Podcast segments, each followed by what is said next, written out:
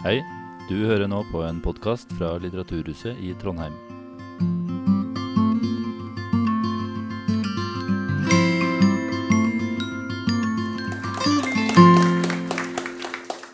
Det er egentlig bare én hovedperson, bare så det er helt klart. Men iallfall eh, velkommen til alle sammen til denne kvelden med Thorvald Steen og en samtale under tittelen 'Hva kan et korstog i middelalderen fortelle oss om mennesket?' Jeg synes Det er et veldig godt spørsmål, og det sier også litt om eh, at det her, skal, det her er jo nemlig et innslag i serien om livets skjørhet. Og Derfor så har jeg jobba veldig med å knytte det opp til det. Og så har jeg etter hvert Torvald tar det der på sparket. Han har veldig mye å si om nettopp den koblinga der. Mellom uh, den boka her og, og livets skjørhet. Um, vi skal altså prøve å finne igjen det temaet i Torvald Steens siste bok, som heter 'For påklederen'. Og som handler nettopp om tro og lidenskap, grusomhet og miskunnhet. Og skal vi prøve å ta med den motivkretsen der inn i vår tid og prøve å finne igjen spor så å si, av det her i, i vår tid. Altså. Det tror jeg skal være fullt mulig.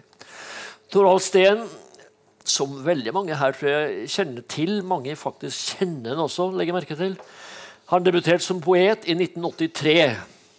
Hans nasjonale gjennombrudd kom i 1992 med diktsyklusen 'Ilden'. Året etter så slo han gjennom internasjonalt med den historiske romanen 'Don Carlos'.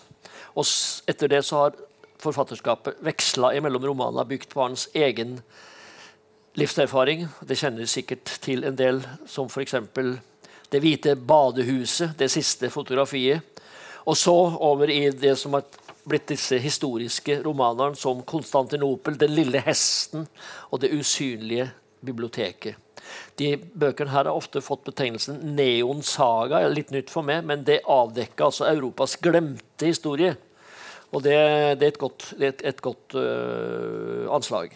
Og 'Påklederen', den siste boka, er da i så måte intet unntak. Torvald har mottatt en rekke priser og utmerkelser i inn- og utland. Og hans to siste romaner er nominert til Dublin Literary Award. Det han kunne si nå, var at denne boka her, 'Påklederen', som kom altså for bare noen få uker siden, den er allerede oversatt til engelsk og svensk. Allerede. Og så kunne han fortelle også at den er oversatt til 31 språk. altså.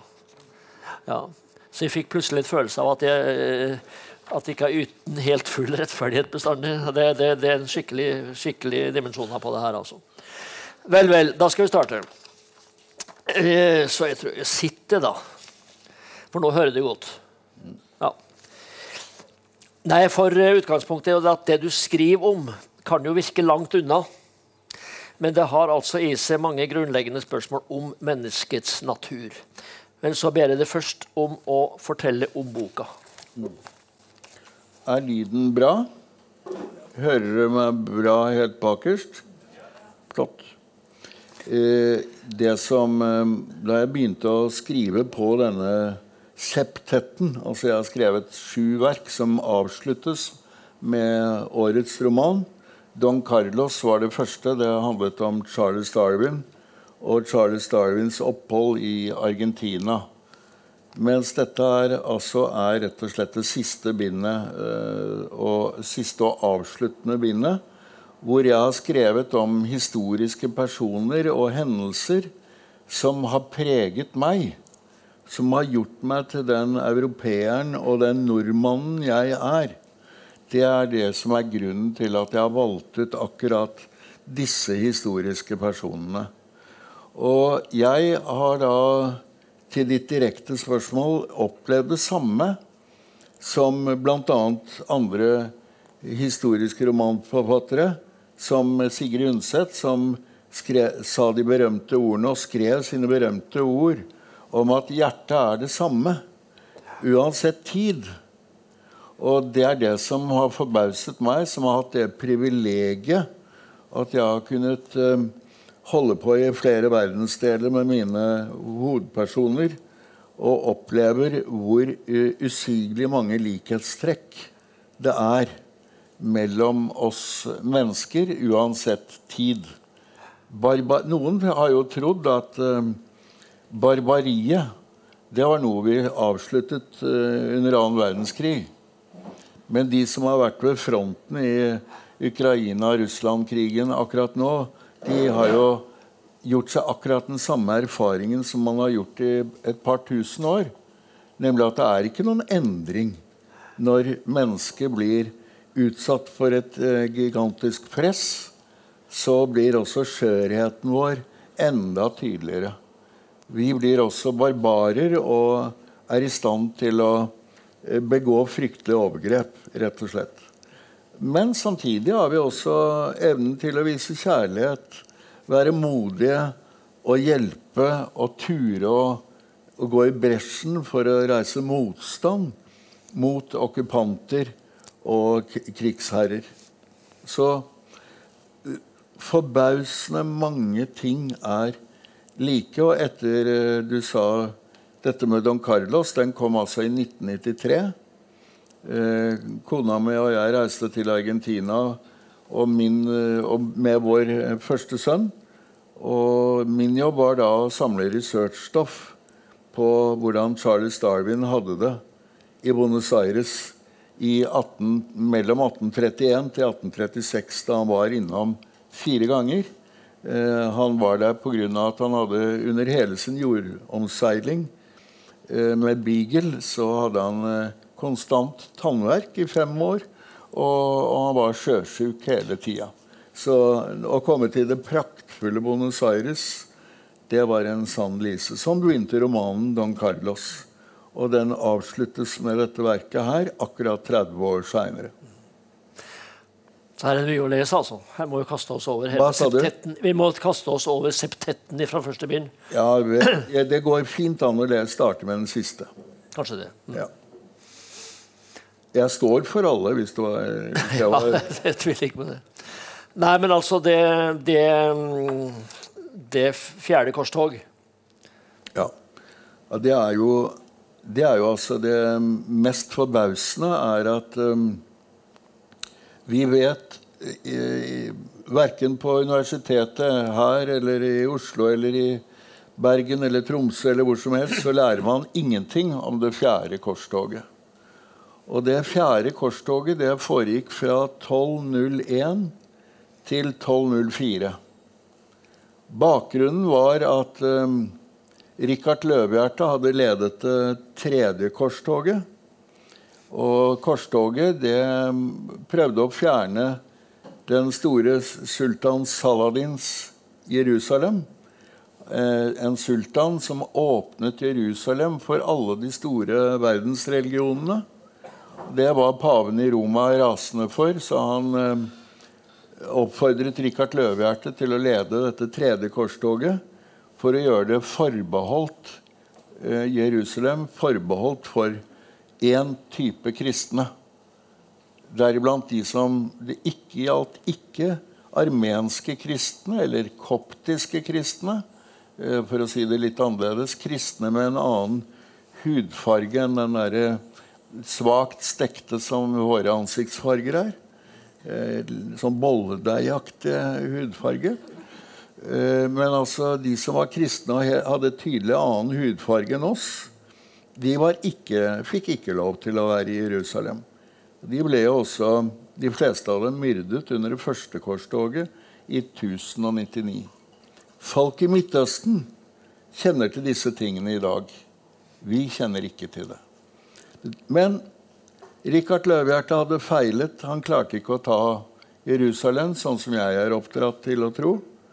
Han kom så aldri inn i Jerusalem engang. For der var han blitt eh, sagt at han måtte legge fra seg våpen hvis han skulle inn i byen. Men det ville han ikke, så han kom aldri inn.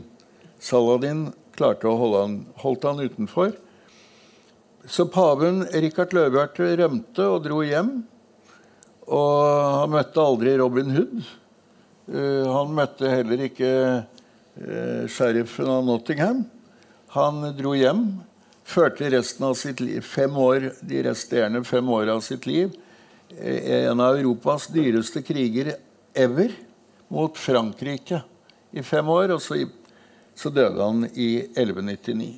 Men i 1201 så klarte pave Innocens å oppfordre til et fjerde korstog for å jage eh, Saladins etterfølgere fra Jerusalem.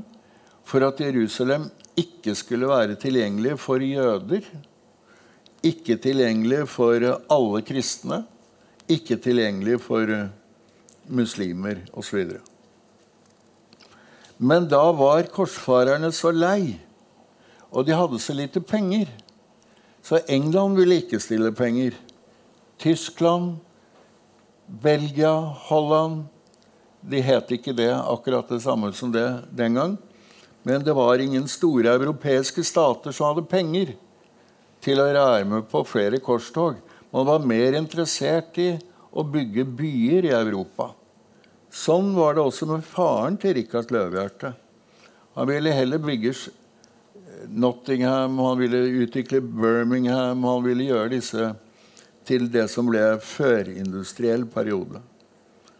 Men i år 1201 så var det en stat i Europa som var steinrik, og som hadde utviklet et bankvesen, sånn som vi driver i dag, altså det var Venezia.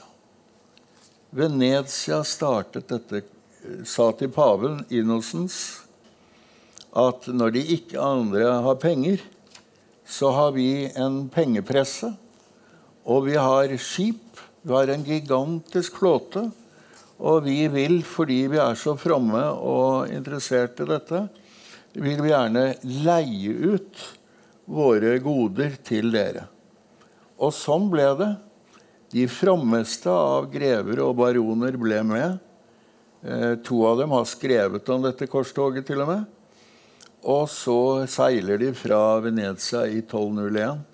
Og denne eh, flåten på 470 skip, det er gigantisk, seiler fra Lido i Venezia og drar ut i Adriaterhavet Eh, men det som er hele ulykken for de aktørene, er at de har vært med på å underskrive en kontrakt på Markusplassen. Og den kontrakten den går i korthet ut på at eh, Venezia leier alt dette til dere, både penger og skip. Men underveis eh, Men vi eh, må forbeholde oss at vi kan kreve inn de pengene eh, etter hvert. Men det sto ikke noe om når disse pengene skulle kreves inn. Og ganske riktig, de seiler fra Venezia, og så viser det seg at de må innom eh, byen Sara fordi eh, venetianske eh, familien Dandolo, som Dorchen av Venezia heter, vil gjerne ha rikdommene i Sara. Og ganske tidlig så plyndrer de Sara, selv om det er kristne mennesker som bor der. Ja vel. Ok. Eh, så drar de videre, og alle regner med nå at nå seiler vi mot Jerusalem. Men underveis så spurte Dordsen av Venezia, som var den reelle lederen av dette korstoget, om eh, Har dere fått tak i noe mer penger nå? Og hvordan i all verden skulle vi ha fått noe mer penger nå? Men han viser til kontrakt, og denne kontrakten er krystallklar. Eh, de må være med på neste eh, ting, nemlig at de da legger kursen mot Konstantinopel. Fordi i Konstantinopel så kan de gjøre et virkelig store krigsbytter for å kunne tilbakebetale dette gigantlånet som eh, jeg har fått hjelp av økonomiske historikere til å finne det så langt vi klarer det økonomiske beløpet det er snakk om. Det ville vært tilsvarende tre, tre engelske statsbudsjett, for å ta en uh, kort versjon. Ja, så det dette som startet med et korstog mot Jerusalem, det ender som et av de største plyndringstokt i menneskehetens historie. Og det kan hende at det er dette som er grunnen til at vi aldri har lært om dette. Og det pussige er at selv folk i, i Konstantinopel, eller dagens Istanbul, de har heller ikke hørt så særlig mye om dette. Men da ble altså byen plyndret sønder og sammen. Men det var fordi det riket som var der, det var også et kristent rike. Det var et bysantinsk rike. Men det var lite populært hos paven fordi de tillot jøder og muslimer å praktisere sin tro i det pluralistiske eh, Konstantinopel, eller dagens Istanbul. Så det er bakgrunnen i grove trekk. Du nærmer deg et, uh, vi nærmer oss et nokså vanskelig spørsmål. Det er noen av oss faktisk som har vært på reise i, i Midtøsten og, i, og, fått merke der, nemlig altså, Det er jo tre store monoteistiske religioner fra det store området her. Og det som er rart, er jo at det er så mye felles kulturell bakgrunn, etnisk, språklig, historisk bakgrunn, med felles profeter og felles helligdommer, og likevel så går de altså i strupen på hverandre. Mm. Så hva er det her? Det mest eh, fryktelige med dette korstoget er altså at det er kristne som angriper kristne. Ja, og eh, det som det handler om, er jo at eh, det er noe som er mye enda viktigere for de sentrale aktørene enn troen. Og dette er jo ikke en, en krig pga. tro, for den ble aldri uttalt. Den lå som en under Altså Bysants sin upopularitet i vår del av verden, den går ut på følgende Det er at Bysants er uglesett og på alle måter fordi at de menger seg med de andre, dvs. Si de vantro. Og det største skillet veldig, så lenge vi har disse monoteistiske religionene, det er at de som Det store skillet i alle tre, det er den parten som menger seg med de andre og lar de få praktisere sin tro. Og de som mener at de skal utslettes. Og mine to, to av mine barndomshelter, det er, det er Sigurd Jorsalfar og det er Rikard Løvehjerte. Rikard Løvehjerte og Sigurd de er oppdratt på helt samme måte med hensyn til synet på de vantro. Hvis dere ser, eh, leser i Snorre om eh, Sigurd Jordsalfars ferd, så står det nesten sånn 'by the way', uten at Snorre var så god i engelsk som, som jeg er. Eh, han, eh, Snorre skriver at uh, de møter Sigurds flåte på 5000 skip.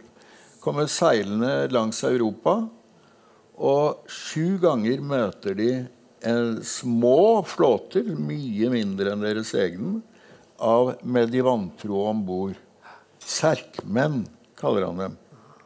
Snorre skriver at de ble stukket til døde og de som fløt, ble stukket flere ganger for at de skulle synke. Og eh, det står ikke hos Snorre engang at, de, rekker, de, rekker ikke å spørre om de vil omvende seg til kristendommen engang. De, de blir først drept og aldri spurt. I Monty Python så pleier man i hvert fall å eh, Når det gjelder Jesus-filmen der, så pleier de i hvert fall å spørre først. Men, eh, men her er det ikke snakk om det engang. De, de drepes til de synker. Det skriver Snorre i et nydelig prosa. Men de dør. Nå har vi glemt opplesinga. Du skulle lese opp. Nei, jeg, jeg, jeg, jeg trodde du hadde litt grep. Jeg. Hva sier du? Jeg trodde du hadde grep på når jeg skulle lese. Ja, egentlig, egentlig ikke. Jeg syns det kanskje nå, da. Kan vi gjøre det nå? Ja, ja, gjør vi det? Ja, vi gjør det. Gjør det. Ja, gjør vi det nå? For det der berører jo det, litt av det du nå snakker om. Og, ja, ja, og det er fint å ha forfatteren som leser sjøl. Liksom. Det gir litt sånn løft i Jeg er helt enig. Jeg skal innrømme at dette Han sier at det er første gangen han har lest fra eget forfatterskap. Ja, jeg har rett og slett eh, en, Nei, jeg har lest før, men jeg har aldri lest fra denne boka. Var det det, du sa? det du sa? Konstantinopel 14. til 21. april 1204. Han som skriver, heter Massimo Gasparino. Han har vært altså førstesekretæren til denne Dodgen av Venezia og er nå degradert til å være påkleder. Men han skriver til Anna, som skal bringe dette brevet fram til paven for å fortelle hvordan forbrytelsen har skjedd. Forfatteren prøver en gang til. Konstantinopel 14.-21. april 1204. Kjære Anna. Jeg skulle ønske at mitt brev var fra Jerusalem, etter at vi hadde inntatt Den hellige by. Det var dit vi hadde lovet paven og Vår Herre å seile. Vi kommer aldri til Jerusalem. I stedet sitter jeg i en leilighet og skriver i Konstantinopel. Utenfor døra hører jeg Enrico Dandolo, vår leder og sikkerhetssjef, Gaetano Biraggi snakke om meg. Ordene de bruker, er alt annet enn trivelige. Det er snart to år siden vi holdt rundt hverandre på brygga ved Lido. Da jeg ikke lenger kunne se deg, og etter hvert heller ikke Venezia, oppdaget jeg de første tegnene på at noe var galt. I baugen sto min herre Dodgen selv og kranglet høylytt med korstogets ledende riddere om ordlyden i en kontrakt. Jeg kunne ikke i mine villeste mareritt ha forutsett hva uenigheten skulle lede til. Etter to år til sjøs og fire uker her i leiligheten innser jeg at jeg har all har deltatt i den største forbrytelsen vår Herre har vært, vært vitne til. Vi har plyndret og ødelagt Konstantinopel, verdens rikeste og mektigste by. For fem dager siden, den 9. april 1204, ble jeg hentet av Birachi for å være tolk på et møte med bysantinerne. Der ble de pålagt å samarbeide med våre menn under frakten av krigsbyttet ned til havna. De som ikke adlød, ville bli henrettet på stedet. Dodgen dikterte, og jeg oversatte til gresk. Jeg stilte ikke et eneste spørsmål. Judas' forræderi er mindre enn mitt. Det som skjedde de neste tre døgnene, vil jeg aldri kunne klare å oversette til noe språk. I grålysningen hadde hæren vår klart å ødelegge deler av bymuren rett nedenfor keiserpalasset.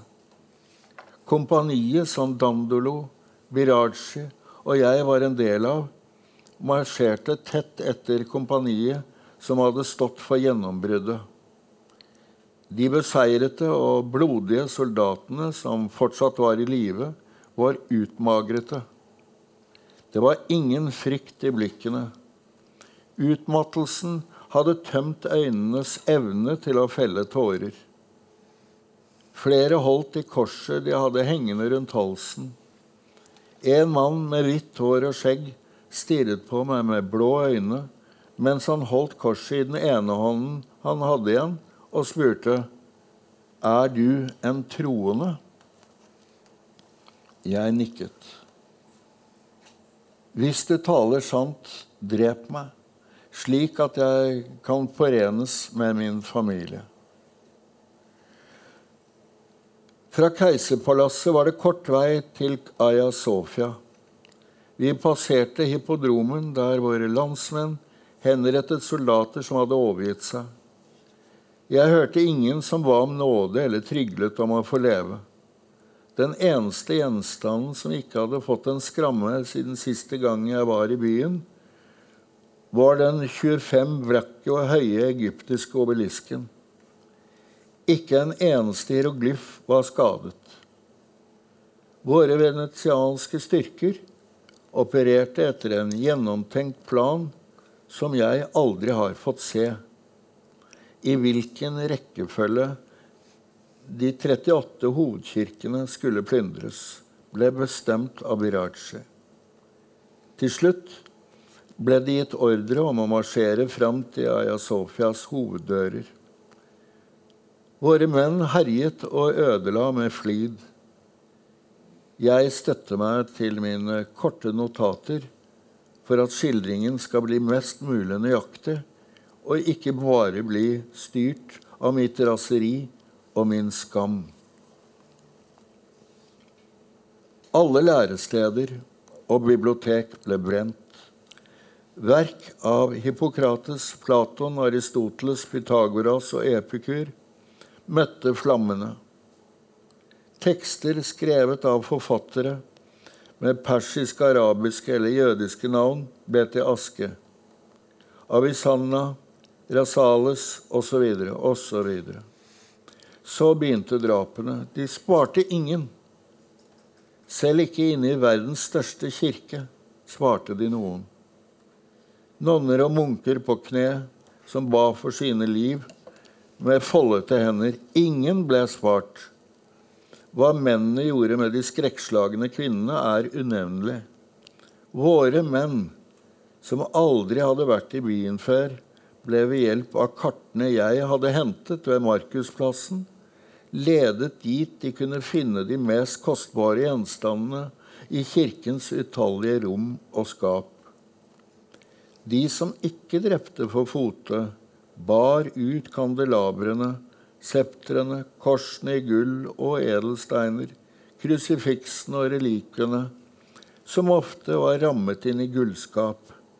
Flere av gjenstandene var erobret fra Det hellige land.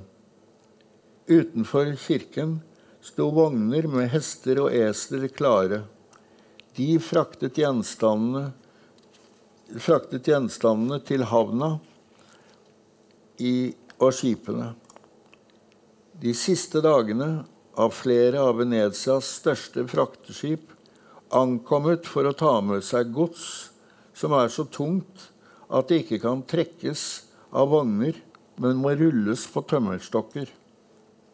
Kupler, døpefontener og troner og noen store bronsehester som skal stå på toppen av Markuskatedralen ved Markusplassen, ble hentet samme dag. De fleste skipene skal til Venezia, noen få til Ravenna og Roma. Dodgen bestemmer selv hva som skal fraktes til, til byggene rundt Markusplassen, siterer jeg meg selv på. Samme ettermiddag bestemte Dandolo at korsfareren grev Baldvin av Flandern skulle krones til keiser i Aya Sofia tre uker etter at blodbadet var tørket opp og de døde fjernet. Ingen spurte når vi skulle dra videre til Jerusalem. Anna, kjære Anna, forbrytelsen var fullbyrdet. Og jeg må få lov til å si da at eh, de bronsehestene som eh, det vises til, de står der den dag i dag. Så vit det at når du er i Venezia, så er det en av de største kjurisamlingene som fins. Man snakker om Tate Gallery og flere museer i England, men Venezia er bygget opp på denne rikdommen. Og grunnen til at Venezia som bystat i flere tiår hadde sikret på Venezia i, i, eller i rivalisering med den andre stor, største bystaten, Genova, det var at de ville ha kontroll over verdenshavene og krydderet ute i verden. Og Venezia lyktes, for enden på denne visa er jo at de, de får fullstendig kontroll og får satt inn den keiseren de vil ha. Og fra 1204 til 1261 så er det Venezia som er verdens ledende sjøfartsnasjon og altså har kontroll over havene. Og har da klart å bli den sterkeste bystaten i hele Italia. Unnskyld meg, det er ikke noe rart om dere ikke kjenner til dette. Jeg har studert både historie og idéhistorie, men ingen av mine professorer har sagt noe om dette her. Skal vi dvele litt ved dette fenomenet de vantro? Det er jo noe som uh, vi kan prøve å forfølge inn i vår tid også. Så de andre, vi og, vi, og, de andre. Mm. Men jeg tenker også på at det, det, er jo en masse historiske fenomen som har likhetstrekk med korstoga. Jeg, jeg har vært på Inkvisisjonsmuseet i Cordoba. Er det noen andre som har vært Du har sikkert vært der, ja? Jeg har ikke vært der. Nei, for Det er jo en helt parallelt fenomen, og, og, og i all sin grusomhet. Mm. Veldig parallell. ikke sant? Nei, Jeg tenker også på slike ting som, uh, som er nærmere til for oss. Uh, Vi kan jo bare se på det som skjer mellom uh, det russerne sier om ja. ukrainere. Ja. Det er jo Man bruker til og med tegn. En, en sett. Man har, akkurat som korsfarerne hadde et kors, så har russerne en sett for å markere det, at alle ukrainere er nazister. Sånn startet denne krigen. Det er blitt vanskeligere å, å kunngjøre dette nå i, selv i, i, Russland. Men det var sånn det begynte, med å lage et, et fiendebilde. Og da er eh, vantro en strålende etikette for å mobilisere den slags eh, hat. Da. Nå frakter Putin et, en ikon rundt til fronten for å løfte fram. Ja. Altså det er nøyaktig tilsvarende. Når jeg tenker på vår historie med, med heksebrenning, eh, trosiver og, og, alle disse misjoner som vi har hatt gjennom tidene, og som jeg har vokst opp med. I min barndom så var vi på juletrefest både i Indremisjonen, Yttermisjonen, Sjømannsmisjonen, Santalmisjonen, Samemisjonen og, og, Isra og Israelsmisjonen. Ja. ja. Så eh, det mangler jo ikke på liksom, historiske minnepæler hos oss heller, som vitner litt om samme tenkning. altså Denne iveren etter å ut og skulle omvende de vantro, ja. og, og, eventuelt gripe til makt uh, for å oppnå det. Mm. Uh, ja. vi, vi, er oppfostret i, denne, i en lik tenkning. Men altså, dette korstoget var jo De reiste, og de trodde at de skulle til Jerusalem. Men de blir ledet inn i noe annet og skylder på at de skal oppfylle en kontrakt. Men for å ha den energien for å kunne drepe, ja. så må du lage deg en forenkling av, av fienden. Og det var um, Ian McEwan, en strålende, fortsatt levende britisk forfatter. Han uh, sa jo under uh, Irak-krigen at uh, tenk om, om vi hadde lest litteratur om hvordan det var å leve i Irak, så ville vi kanskje ikke vært med på å støtte vår ledelse i sånn måte. Og angående denne systematiske plyndringen som jeg viser til fra 1204, det var jo akkurat det som skjedde da Irak ble inntatt av amerikanske styrker. Colin Powell skriver om dette i sine egne memoarer. Om hvordan, hvordan de plyndret bokstavelig talt Bagdad og omland. Og oljeområdene. Oljetilgangene. Så det trodde man den gangen var Eh, propaganda fra enkelte hold. Men Colin Powell, altså utenriksministeren til USA, skriver om dette selv i sine memoarer. Og han er jo også ærlig på at um, uh, da Saddam Hussein ble henrettet, så var det bygget på opplysninger om atomvåpen og atomtilgang, som Hans Blix, Sveriges observatør, sa var feil. Men i sine memoarer innrømmer Powell at dette er riktig, det svensken sa. Så er, vi har ingen grunn til å tro at mennesket er særlig endret, verken på godt eller dårlig. Eh, det er ikke sånn at uh, høyere og høyere teknologisk nivå eller utvikling av kunnskaper nødvendigvis fører til at mennesker blir bedre. Nødvendigvis. Men vi kan jo være snille og hyggelige og morsomme òg, da. Jeg må jo få lov til å si det òg. Ja. Nei, Jeg tenker også på denne iveren som vi ser av og til hos oss sjøl i, forsvaret av egen kulturarv og det kristen kultur. På Stiklestad hver sommer på dette spelet og har veldig sånn tvende sinn på det når de hører det, det, våpengny og, og her, korsmenn og hærmenn som stormer fram og slakter ned. Mm til stor begeistring, og han har sagt også blant publikum. Altså. Ja. Og så er det barnearrangement der, der små unger får et, et, sverd ikke sant, og springer omkring og stikker og roper høyt av glede. Altså Det er så mange sånne undertoner av, av det her som du finner overalt. altså. Jeg må, når det er nevnt, så må jeg få nevne at eh, jeg var tilkalt en gang for å, av Stein Winge. og for å se på eh, Stiklestad-spelet ja. og Olav den hellige.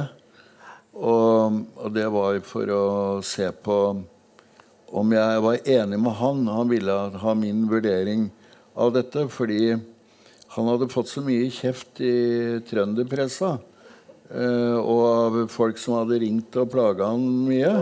Og det var at eh, Stein Winge hadde vært litt sånn eh, undrende til at Olav den hellige kunne vite at han var hellig før han rei inn på det slaget. Der har vi det. Der og det, det vakte det hadde vært, og Så tillot jeg meg sammen med historieprofessor Øyvind Sørensen, Stein Sørensen å snakke i no, Søndagsposten om dette en søndag etter jeg hadde vært der. Og da nevnte jeg denne historia. At jeg syns dette var en særegent merkelig ting. at uh, denne reaksjonen kom år ut og år inn. At folk i Trøndelagen uh, undret seg over uh, Eller var veldig rystet over noen som ville endre på dette at han var hellig da han red inn der. Og det ble altså et sånt bråk på dette sentralbordet på NRK på Marienlyst. Så det, det, det, sitter i, altså. Det det. Og så er Gud alltid på vår side. Ja, altså godt nytt ons. Problemet er jo at Gud er jo på alle sider, viser det seg. Det blir ekstra mye krig av det, da. Ja, men Gandhi sier det så fint. Gud kjenner ingen religion. Nei, det er, det er korrekt. Eh, jeg tenkte å enda ta det inn i, eh, mer inn i vår tid. og, og jeg syns av og til du ser liksom reminiscenser på en måte av korstog i jeg tenker på karikaturstriden, men jeg tenker kanskje særlig på, på koranbrenning og alle disse hatytringene på nettet. altså hvor, hvor mye skal vi tåle? Grunnleggende sett har vi for liten respekt for andres helligdommer. Ja, det, det viser seg jo gang på gang at det å det, det, som hovedpersonen i denne romanen han, opp, han, er jo først og fremst Han starter som et menneske som er eh, dønn lojal mot sin sjef. Han er helt lojal mot paven. Han eh, drar ut med de beste intensjoner ut fra sitt hode. Han har samme oppdragelseshorisont som eh, Sigurd Jorsalfar og, og, og Rikard Løvehjerte. At dess, dess, dess flere vantro du dreper, dess eh, raskere kommer du til himmelen. Og dere må huske på at dette er noe som ikke én pave har stått for. Men det har pavene ment i flere hundre år. Og det er ikke pavene eller Rikard Løvehjerte er ikke noe uutdannede mennesker. Eh, Rikard Løvehjerte ble oppdratt av sin mor til å lese praktfull litteratur. Han var god til å skrive dikt. Eh, han var ganske så velutdannet.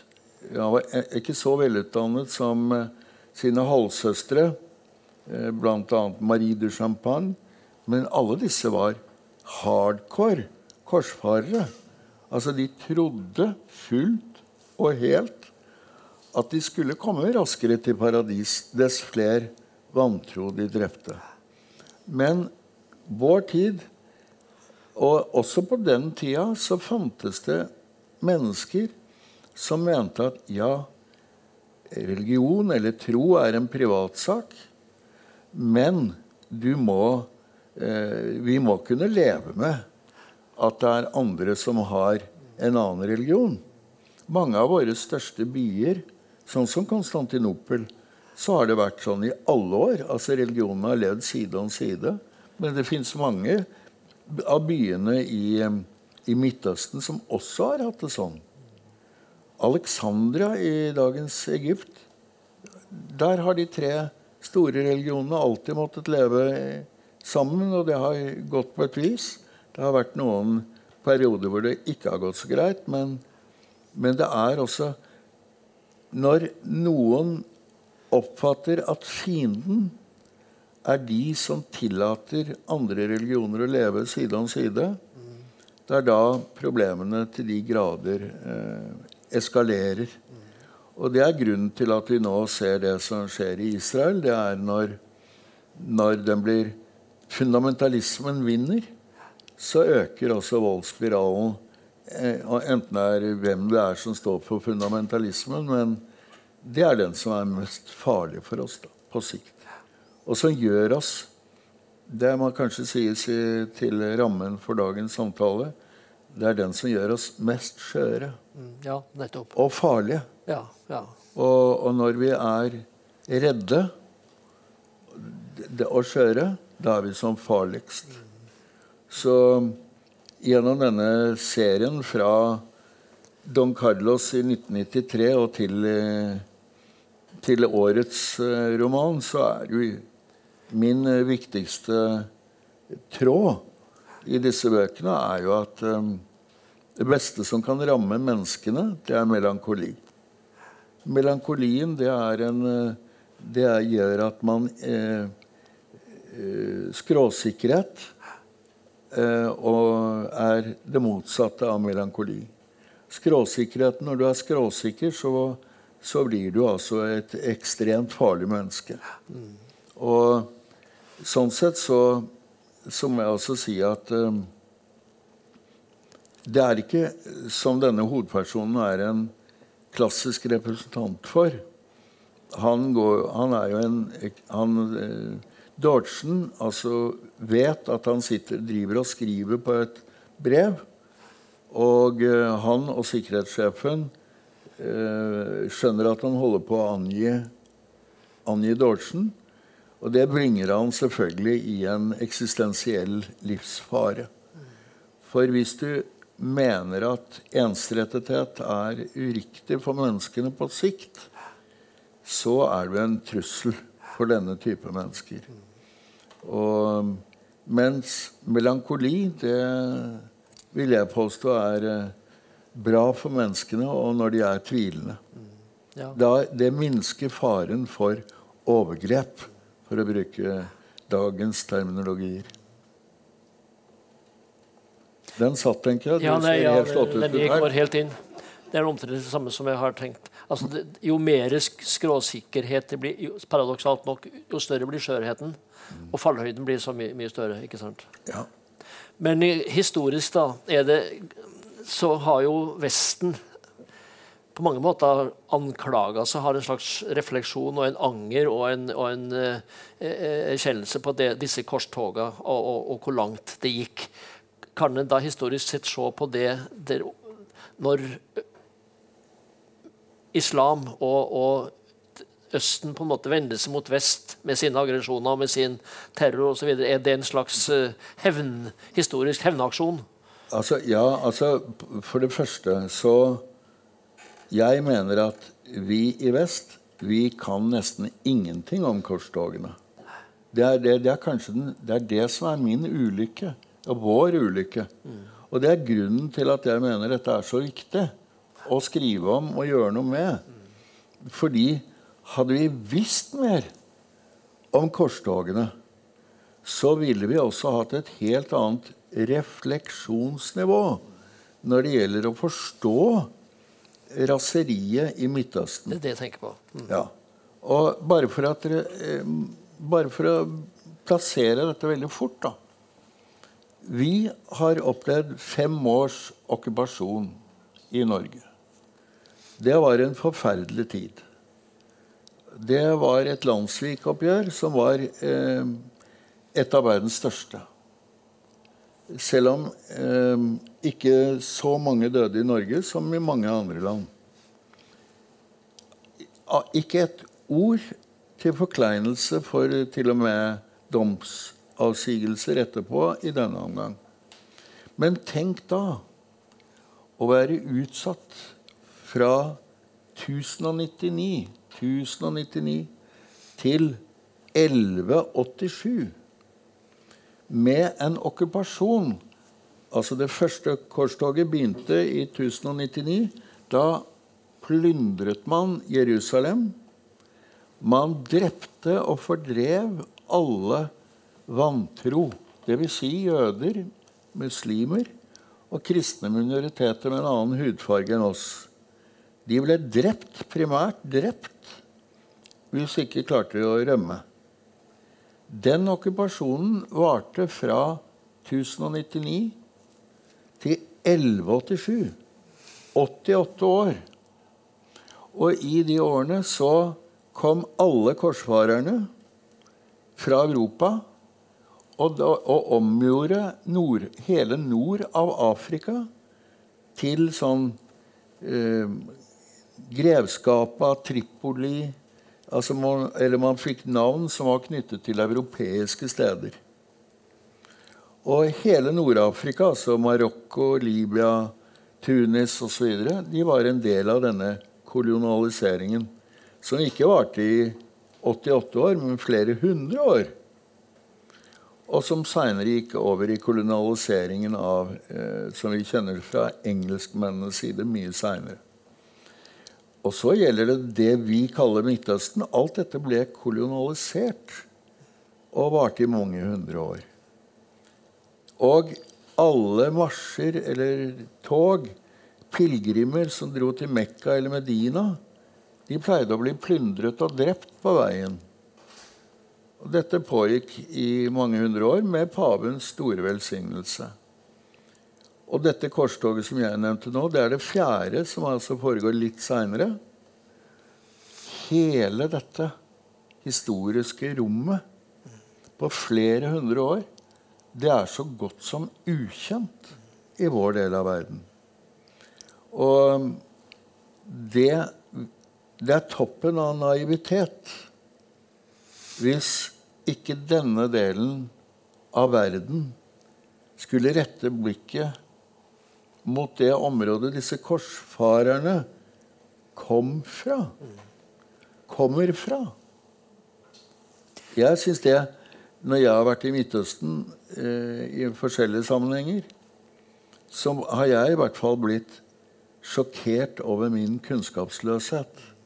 Og jeg kan jo aldri glemme min pinlighet da jeg snakket Jeg var leder av Den norske forfatterforening. Møter min kollega Isat Ghazavi, leder av den palestinske forfatterforeningen. Og vi er sammen med Amos Os, bl.a. Israelsk utmerket forfatter. Og så sier eh, Jeg snakker med Isat Ghazavi sammen med Amos Os om eh, Isat som har mistet sønnen sin, som er skutt i skolegården av israelske soldater. Og så sier jeg hva er det han gjorde. Han gjorde ingen verdens ting. Han var, hadde friminutt. Og Amos er opprørt, rasende osv. Og, så og så sier Isat til meg Jeg spør hvordan får du denne styrken? Eh, jeg eh, prøver gang på gang å tenke på Saladin. Saladin, sier jeg. Saladin? Mellom oss sagt så tenkte jeg at dette var en en figur jeg ikke hadde fått med meg fra 1001 natt. Eh, pinlig nok. Men, eh, men, mine professorer på historie og idéhistorie hadde heller ikke peil på hvem han var. Nei. Det er det som er det jævlig triste. Mm, mm. Men det var han, altså Saladin, som eh, beseiret korsfarerne militært i 1187 og så skjer da det som er det store, helt eksplisitt eh, Kanskje noe av det største som har skjedd i menneskehetens historie. Og det er at Saladin, eh, alle hans offiserer, sier vi skal plyndre. Vi skal plyndre, eh, knuse Jerusalem alle korsfarerne skal henrettes, osv. Og, og da sier Saladin den etter at vi har tatt Jerusalem, så skal vi åpne byen for alle religioner. Og den av dere som henretter én eneste en Én! Altså etter 88 år okkupasjon og Nå snakker vi om virkelig en hardcore okkupasjon. Men det mest bemerkelsesverdige, og dette er ikke folkeeventyr, men dette er eh, fullstendig belagt med historiske fakta. Byen ble åpnet, ingen ble henrettet. Og eh, i middelalderen så var det slik at de kristne kjente til denne historien. Altså biskopen i Köln, kristne forfattere i Firenze seinere, Boccaccio, Dante Allegri, skriver om Saladinus at han er den eneste vantro som skal til paradis. Paradis, altså. Ikke noe mindre. Men vi har aldri hørt om den. Så jeg vet et lite, siden vi skal ha dette samtidsorientert Da Henrik Wergeland var 200 år, så var det et arrangement på Litteraturhuset i Oslo. Og da var jeg bedt eh, om å holde en, eh, et sånt sluttord uh, til utenlandske gjesteforfattere og til eh, den daværende utenriksminister Jonas Gahr Støre og eh, en del fra staben i UD. Og så sa jeg at eh, eh, nå vil jeg svært gjerne at vi skal glede Henrik Wergeland. For det er faktisk hans 200-årsdag. Og da er eh, vet jeg at Henrik ville blitt kjempeglad hvis eh, Litteraturhuset i Oslo fra nå av jeg hadde håpa at norske ambassader i hele verden skulle markere Saladins bursdag hver 3. mars. Han døde 1199 mens han satt under et oliventre og var glad for at Jerusalem var åpen for alle troende. Han døde fredelig i Damaskus. Og da, når man da ser på den norske utenriksminister og staben fra UD, så er det, aldri no, det er ingen som har hørt om Saladin. Så da, under, under, min lille tale, så sa jeg da at ok, jeg ser at det er ikke noe sjanse for at det blir noe arrangement i ambassadene til Norge. Men da tror jeg jaggu meg vi skal ta Litteraturhuset her. Og det sånn ble det. Og nå om noen dager så skal jeg til Litteraturhuset i Istanbul, som har gjort det samme. Og, og på Kypros har de det, og andre steder også. Så Trondheim burde også ta rev i seila her. altså Det er noe så. Det kan vi ta en annen gang. Eh, jeg kan snakke med direksjonen en annen gang. Ja. Yes, Men det er poenget at her hører dere at uh, samtid og fortid det går over i hverandre. Hadde vi Mens, bare for å merke Da jeg skrev om kamelskyer, da den kom ut på tyrkisk, da var det noen uh, tyrkere som var veldig opprørt over at jeg uh, bare skulle Jeg burde bare ha fokusert på krigsherren Saladin. Fremragende kriger, sa jeg. Men jeg syns også at denne andre handlingen med å åpne Jerusalem er verdt en uh, Definitivt en, en, minst én skål. Yes. Ja, vi skal uh, trappe litt ned også for å sikre oss at vi får god tid til en mm. samtale med folk her. Før vi gjør det, så tenkte jeg å spørre Hvis det nå er slik at vi har en slags sånn kollektiv skyldfølelse i, i, Vesten for vår fortid, kan det samtidig være med å forblinde oss litt med tanke på at vi kan se litt for mye gjennom fingra med menneskerettighetsbrudd og, og, og, og kulturelle fenomen som vi ikke kan være med på? Ja da, jeg er definitivt uh, med på det. Jeg mener at uh, når det gjelder menneske... Jeg mener at menneskerettigheter skal være universelle. Når du sier det, det var for meg en veldig viktig eh, barriere å si akkurat det. Fordi særlig venstresida har et stort synderegister på at man sa tidligere at en stat eller en kultur måtte være på et så høyt plan at de må kunne eh, mestre, eh, mestre en slik eh, nivå at de kan være rause eh, overfor annerledes tenkende. Men det er ikke noen god nok grunn. Man må kunne si og kreve at uh, ethvert menneske skal kunne leve etter disse standardene. Og ikke minst man, må man selv kjempe for denne standarden. Og det har jo vært en stor opplevelse så lenge man jobbet med Jeg jobbet veldig aktivt med det, var i stand til det. Å jobbe med ytringsfrihetsspørsmål globalt. Da. Det er jo at eh, det hjelper alltid de folkene I ethvert land så er det noen som er så modige at de slåss for disse universelle rettighetene, som å trykke og skrive hva man vil, si hva man vil. At det er en stor forbrytelse av oss å ikke støtte sånne krefter.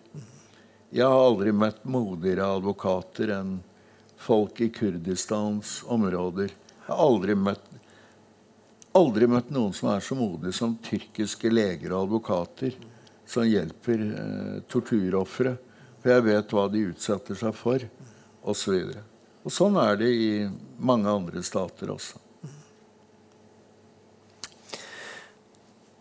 Nå skal vi sikre oss at du får en skikkelig applaus her. Ja.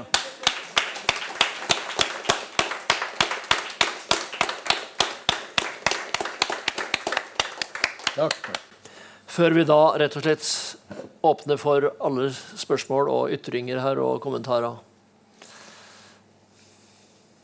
Så kom igjen.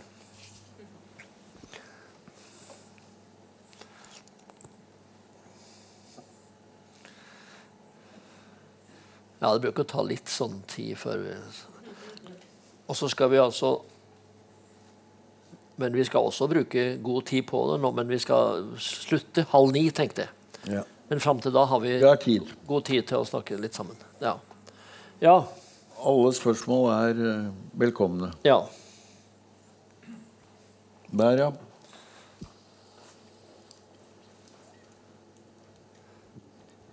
Hei. Eh, mitt navn er Hassan, og eh, jeg kom eh, til Norge fra Tyrkia for fem år siden. Og jeg studerte mastergrad i historie og studerte stort sett korstokk, så det var veldig spennende for meg å høre deg. Eh, jeg, eh, jeg, målet mitt var å gå videre til kulturutveksling under korstokk, fordi jeg setter pris, stor pris på det. Det var ikke bare en krig, men to store for, forskjellige kulturer møtt på den tida. du har nevnt om kunnskap, og har nevnt hvor viktig å ha kunnskap. Uh, men uh, jeg, jeg, er litt bekymret mot uh, populisme som øker både i vest og øst. Så har du noe forslag, eller ser du noen spesiell måte for å kjempe mot populisme mellom disse kulturene? Populisme? Populisme eh, folk, folk, flest eh, bryr seg ikke mye om kunnskap om eh, historie eller ja, ja. Eh, vestlig kultur eller østkultur. Hva var det? Eh, hvordan kan vi eh, finne felles møtepunkt? Men eh, f.eks. koranbrenning det, det bare Eh, jeg ser som en populisme, en slags populisme. Den folk snakker mye om det, men uh, vi mister hovedpoenget uh, ved å snakke mye om uh, slike dumme tilfeller, på en måte. Ja. Jeg skal Takk. Jeg mener at det eneste man kan gjøre mot koranbrenning, det er eh, Det viktigste man kan gjøre mot koranbrenning, er å starte en eh, absolutt motsatt bevegelse. Jeg sa, sa, ikke dette på fleip, det med å bygge flere eh, Saladin-hus. Eller bygge flere arrangementer rundt Saladin. Jeg mener at man må vise positive eksempler. At også eh, den retningen, den religiøse retningen som heter islam, også har gode eksempler.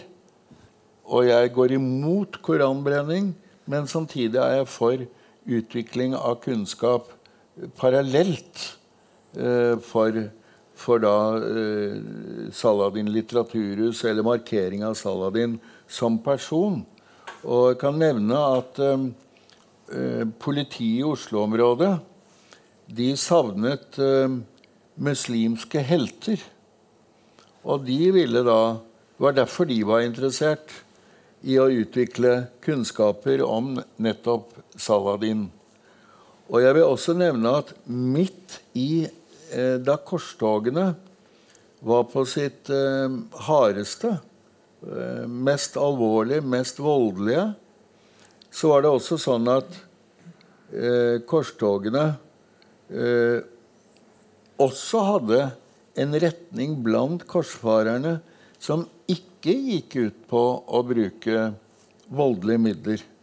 Saladin, f.eks., han ble venner med mange av korsfarerne. Og eh, da, hans, eh, da disse skulle straffes, så støttet alltid Saladin de av korsfarerne som hadde vært veldig aktive med hensyn til å eh, støtte dem, og med å ville ha dialog. Så kors, Det er også veldig viktig fra vår side å vite at korsfarerne var ikke ensbetydende med én ting. Det var også de som f.eks. ble opptatt av arabisk. Det var mange korsfarere som lærte seg både persisk og arabisk som igjen brakte kunnskaper om, arab, eh, om, persisk og arabisk medisin til Vesten. Så det er komplekst fra begge sider. Og det er derfor jeg er enig med ditt uttrykk at eh, det er en form for populisme som fort kan bli til en ensrettethet og en, i neste omgang fundamentalisme. Det er grobunn for Og da blir mennesket eh, etter min mening et farlig menneske når det går i den retning. Ja. Ja. Kom igjen. Der. Hei.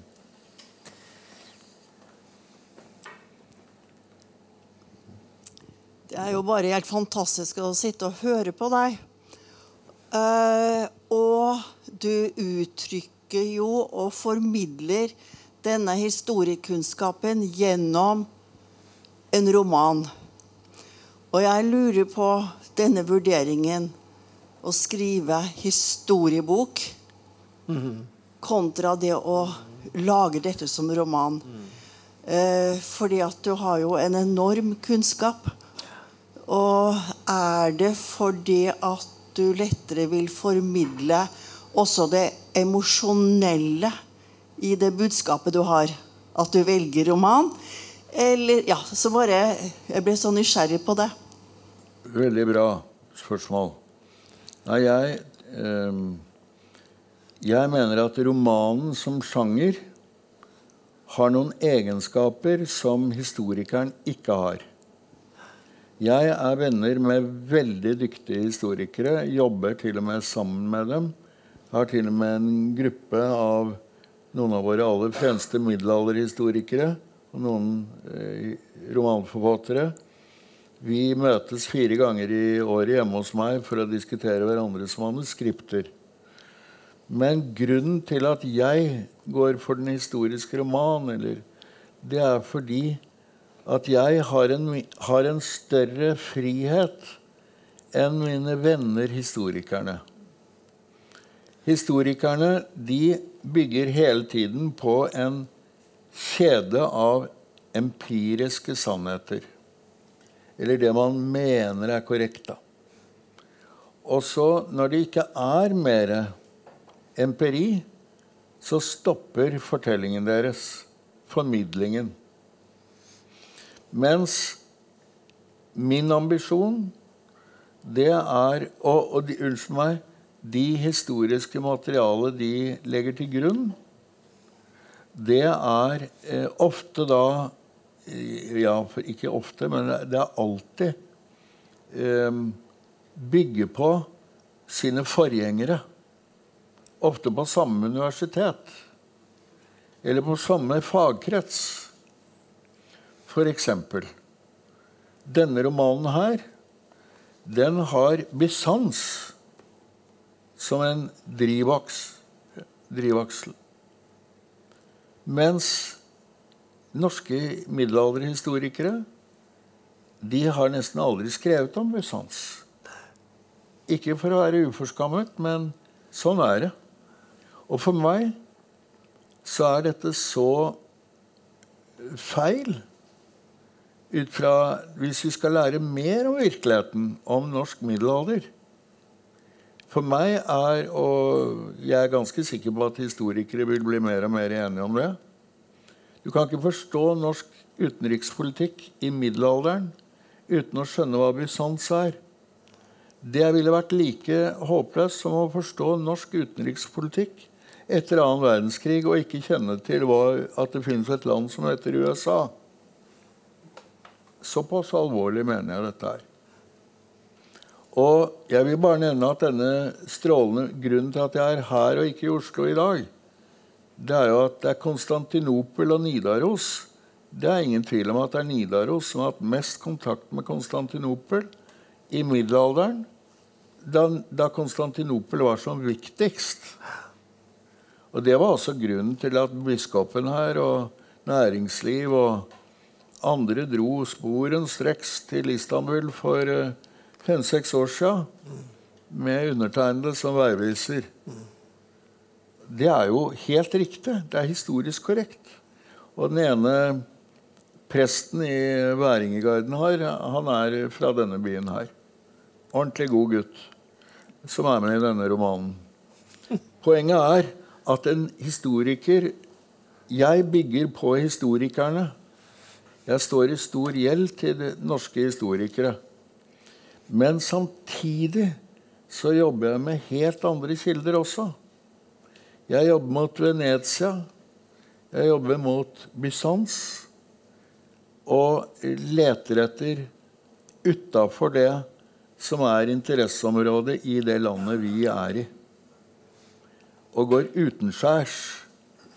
Og på den måten får jeg vite mye mer om min egen historie. Og skal ikke drive dette langt, men eh, hermenautiske filosofer snakker ofte om forståelseshorisont. Eh, vår horisont, den er ofte Den er ganske snever. Så jeg er stolt over å kunne si at da jeg skrev 'Konstantinopel', og den kom ut i 1999 1999 kom den ut. Den romanen der Det var én eneste i det akademiske miljøet. Jeg vet ikke om han eh, Stein Stugu, professor på NTNU, han inviterte meg. For han ville at jeg skulle forelese for studentene sine samme år. Um, ja. Og det er umulig Og det som var oppsiktsvekkende med romanen, Konstant, romanen 'Konstantinopel' det, Der står det krystallklart at Sigurd Jorsalfar er korsfarer. Og viser hvorfor han er det. Men det er først nå for ganske få år siden, la meg si ti år, at uh, hvis du skal skrive en bachelor eller master og skrive om Sigurd Jorsalfar og si han er pilegrim, Sånn som Edvard Grieg og, og Bjørnstjerne Bjørnson og mange historikere opp til vår tid har trodd. De har ikke sjans lenger å komme gjennom i akademia med med Sigurd som pilegrim. Det hadde vært eh, Ja. Så, så det rare er en roman jeg bygger på først at det er historisk eh, riktig. Og så neste, når det ikke er mer empiri igjen, så går jeg over til sannsynlighet. Og så, eh, etter det igjen, så har jeg den muligheten til fri diktning. For at dette skal funke som skjønnlitteratur. Altså, jeg har ambisjoner om å skrive en, eh, en, eh, en eh, bra roman. Men du må ikke ha noen forutsetninger eller basiskunnskaper for å kunne lese den. For det er min jobb å gi deg smug, smuge inn i huet ditt når du leser. Smu, er det et verb? Smuge? Smyge? Er det smuge? Smyge. Jeg må spørre lærekreftene her Smyge. borte. Transitivt. Ja, Transitivt. transitivt. Smygleser, Ja. ja. Her har vi en stemme her.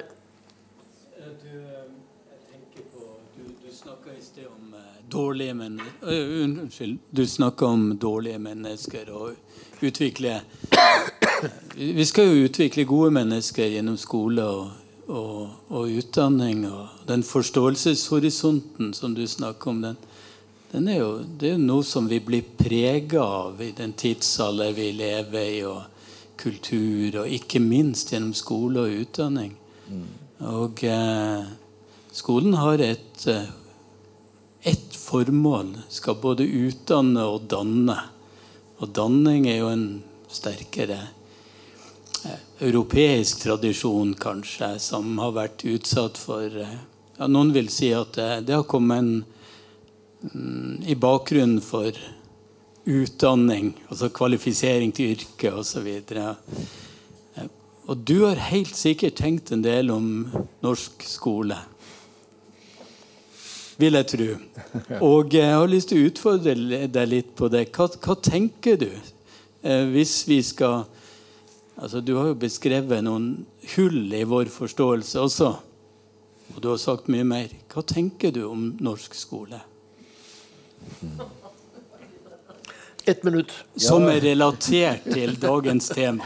Ja, ja men altså ja, Da plutselig begynte jeg å tenke på en utrolig god eh, skoleopplevelse jeg har, har hatt. da. Han lever enda faktisk, eh, min lærer på, på ungdomsskolen, Finn Holden. Og han skrev eh, et forsøksverk i historie for eh, skoleelever. Og det han var så vanvittig flink til, det var at han Han, han var ikke enig med oss som eh, ville gjerne Han lærte oss å bli kritiske, da. Han lærte oss eh, Nå snakker jeg om oss og Trond Petersen og, og andre venner av meg den gangen. Vi var jo noen ordentlige snørrunger på 14-15 år som, eh, som gjerne ville lære noe, og som hadde oppdaget at eh, foreldrene våre ville ikke snakke om eh, Vietnamkrigen fordi det var fryktelig galt at folk begynte å demonstrere og, og brenne flagg. Og, og når eh, Hvordan kan man si det om eh, en amerikansk president, som jo, vi unge gjorde det var en, Denne læreren han var ikke redd for oss. Han lot oss få holde på og, og finne Han sa Jeg husker godt at jeg sa Men du, Salvador Allende Hvorfor gjør USA dette mot eh, en eh, president som har et partiprogram som eh, sosialdemokratisk program? Hvorfor bruker de Kissinger og CIA til å torturere hans ministre? Eh, han eh, var ikke noe venstreorientert lærer i det hele tatt. Eh, Jeg kan også nevne en annen lærer. Jeg hadde Lisa Harlem, som definitivt var på eh, Høyre-medlem eller noe sånt. Men disse to var så smarte at de lot oss få lov til å, å undersøke og holde en innledning på skolen. Og vi forberedte oss, Trond og jeg, noe voldsomt. Og, og, noe av det var ganske ubehjelpelig, kan man si i ettertid. Men vi fikk prøve oss. Og det å oppfordre til kritisk tenkning Nå har jeg inntrykk av at det er ekstremt mye som skal um, Hvis en politiker sitter på TV og sier at uh, blir presset på at uh, ting er uh, dårlig med et eller annet med hos ungdommen, så sier da neste politikeren fra det andre partiet at dette må inn i skolens pensum. Mm. Mens lærerne er helt overarbeidet. Altså De har så mye at eh, det er urealistisk å, å, få det til. Og en lærer i dag får ikke engang lov til å sette en grense. Så hvordan skal de klare å undervise når de heller ikke får lov å De kan sitte med beina på bordet. 28 stykker i et klasserom. Og så skal man undervise dem, men man får ikke lov til å be dem om å ta ned beina fra bordet. Hadde det vært opp til meg, så hadde jeg tatt en vannbøtte og spylt på alle sammen. Og så hadde jeg sagt nå kan du finne litt mer ut om, eh, om eh, krigen i, i, Ukraina, du. Det kan være jobben din. Så nei, som du hører, jeg kan ikke gi et fiks ferdig program. Men jeg tror man må A. Ikke være redd for grensesetting. B. Man må eh, ture å si at elever må ikke kunne hele pensumet, men man må kunne bli litt flink i noe. Det er mer realistisk, tror jeg, da. Det var det jeg hadde å si om skolepolitikk i dag. da. Har det vært i Gudmund Hernes' tid og hans forståelse av læreplan, så har Saladin kommet inn som et punkt f.eks. i åttende klasse, tenker jeg. Mm. Hans uh, tendens til å virkelig å planfeste kunnskap, altså. Ja, ja Saladin i åttende. Ja. Også litt Rikard Løvehjerte. Ja, det må jeg si. Det, var, det, har jeg faktisk blitt bedt om, og det gjorde jeg. Jeg var på turné for noen, noen år siden i Oppland, da det het det. Oppland og Hedmark. Og for å forelese, snakke til eh, eh første videregående om disse to. Det var jo utrolig spennende å gjøre. Da, da hadde vi sånn auditorium med flere klasser. Og da, da eh, Elevene satt stille.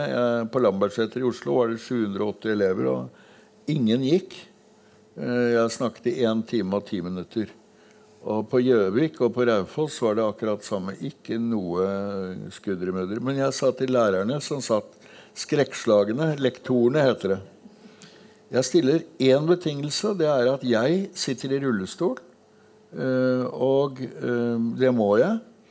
Og jeg har forlanger å ha en vannbøtte med en våt svamp ved siden av meg. Og så kommer jeg til å si at de må fjerne laptopene. Og så får de ikke lov til å trekke lua ned i, under øyet her. Elevene lærerne sa da må du gjøre det selv. Vi gjør ikke det. Nei, jeg har ikke regna med at dere skal gjøre det. Jeg skal gjøre det. Så rulla jeg fram sånn.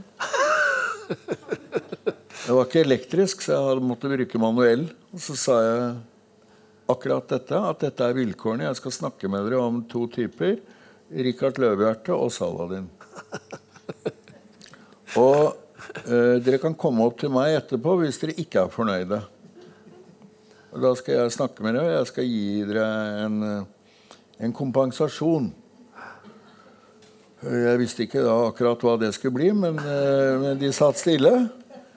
Og det var en kjempevellykket ting, men det var én trist sak. Det var at eh, rett før de skulle ha et friminutt på tre minutter, så var det en eh, veldig urolig gutt som eh, sikkert har fått en diagnose Eh, på fire bokstaver som sprakk.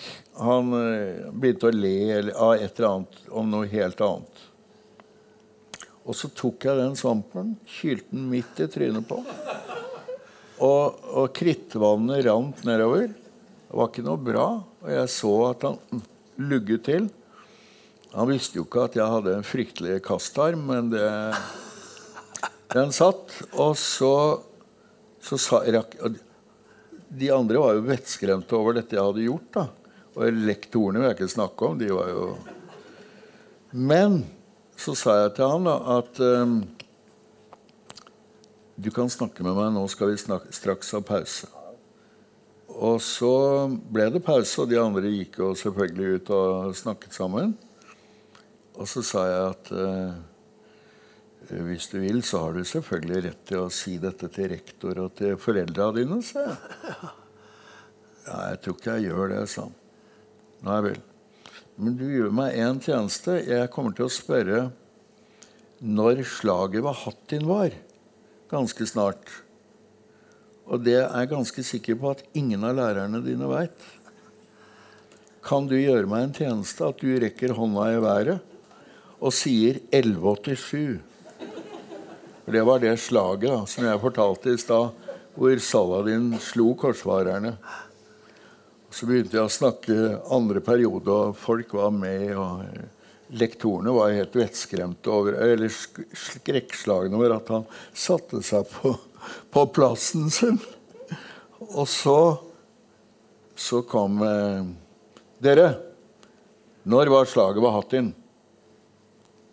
Så tar han det ansiktsuttrykket. Ubetalelig øyeblikk. Så sier han Thorvald Steen, det var 1187. Så vidt jeg husker, var det 2. juli. Da var det stille i fjøset på Raufoss. Altså.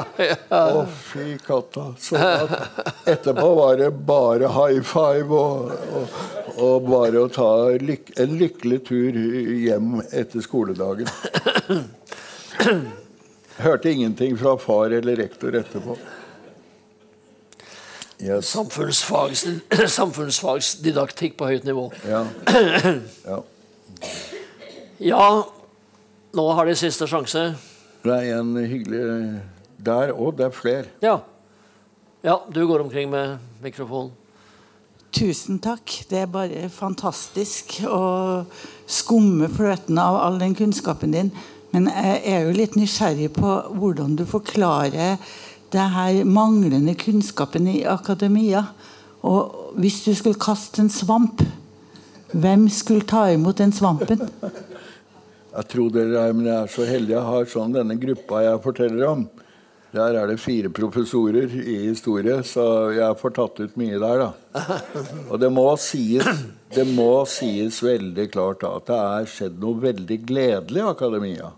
Fordi det samarbeidet vi har nå Jeg underviser på Historisk institutt. Jeg har gjort det før i flere år.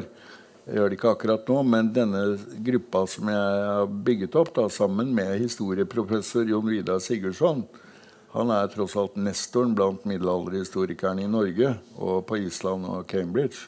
Han, vi er gode venner, så det er ikke noe det har skjedd noe, og det er jo kommet nå en ny, en veldig spennende generasjon av nye historikere. Så på dette området er det gode ting. På Bysants så har vi en fremragende professor i idéhistorie, Christina Amadou. Og hun er et uh, forbilde for meg på mange måter. Fra før har vi Kari Fugt uh, osv. Så, så det, det, har skjedd noe. Og disse har uh, vært på veldig mange av mine bøker veldig, veldig viktige konsulenter og hjelpere. Så derfor så Jeg vet om mange i akademia som, jeg, som kunne fortjent en svamp i trynet. Det er ikke det. Men uh, det er ikke sikkert at jeg vil ta disse. Men uh, noen andre kunne vært på sin plass. Og en til borti her. Da tenkte jeg å foreslå at vi går For det var veldig hyggelig her nå. Nå går vi sømløst over i at vi kan bestille oss f.eks. vi. Vi skal også et glass vin. Ja, det er absolutt. Og det kan alle sammen gjøre. Så glir vi på en måte sømløst over i, i en sånn uh, stemning her, og men, små, smågruppesamtale. Men jeg har lovet før jeg begynte her at, Ja, så boka. At, ja, jeg må signere Boka skal selges og signeres. Og det var nå én til som har tegnet seg før. Ok, da tar vi det. Ja. Det er egentlig to spørsmål. Det ene går på Bysant, og det andre går mer på det du tok opp eller nevnte så vidt innledningsvis eller tidlig. Og det var din interesse for universelle menneskerettigheter. Og det ble jo for så vidt fulgt opp med spørsmål fra han bak meg.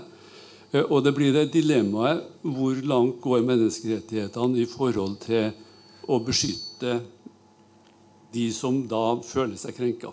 Ja. Med eller uten god grunn. Det var det ene spørsmålet. Det andre, ta det med samme. Eh, Det, du har jo snakka mye om Bysant. Eh, Moskva eh, mener jo å være det tredje Rom tidvis.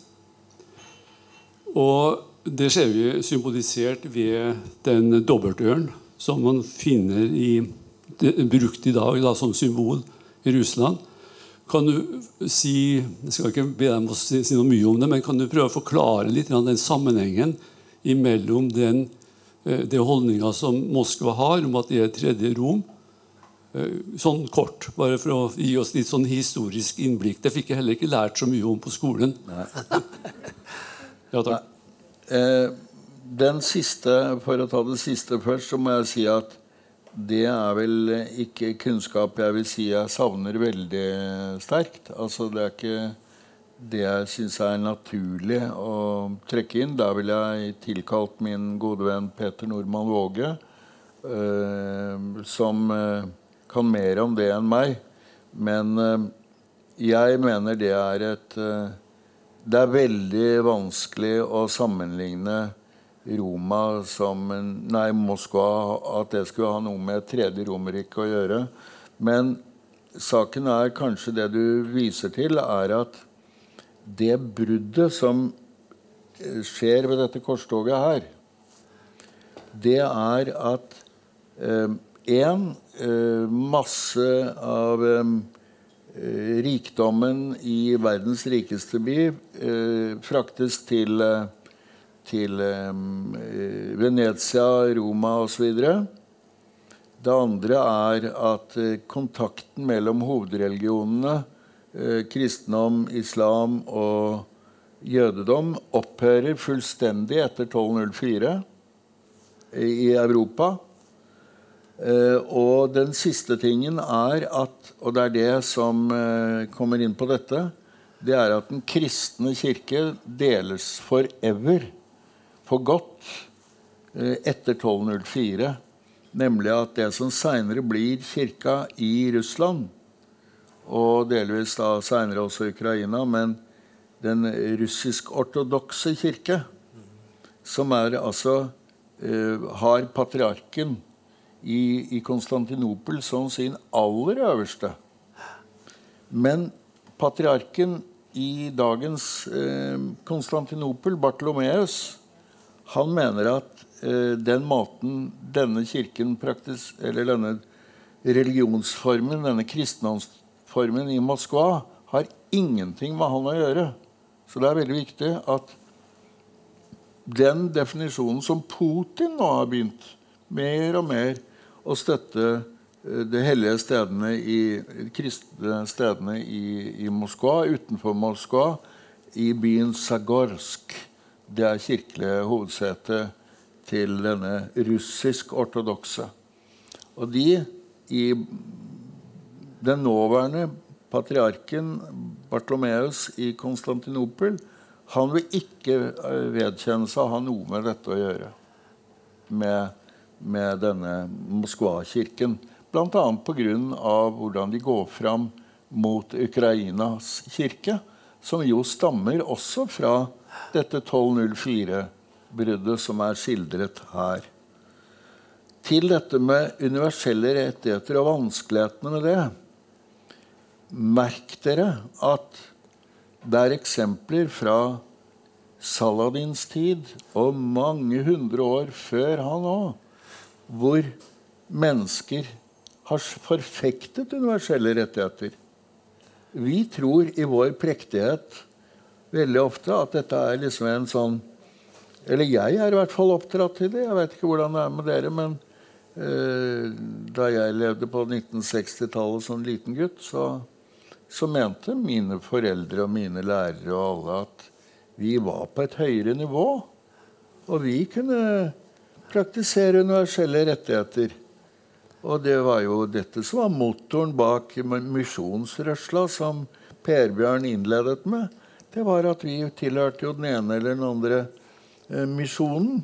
Som jo et, lå på et langt høyere nivå i dannelse og sjenerøsitet og tekkelighet enn disse andre åndelige pygmeene, da.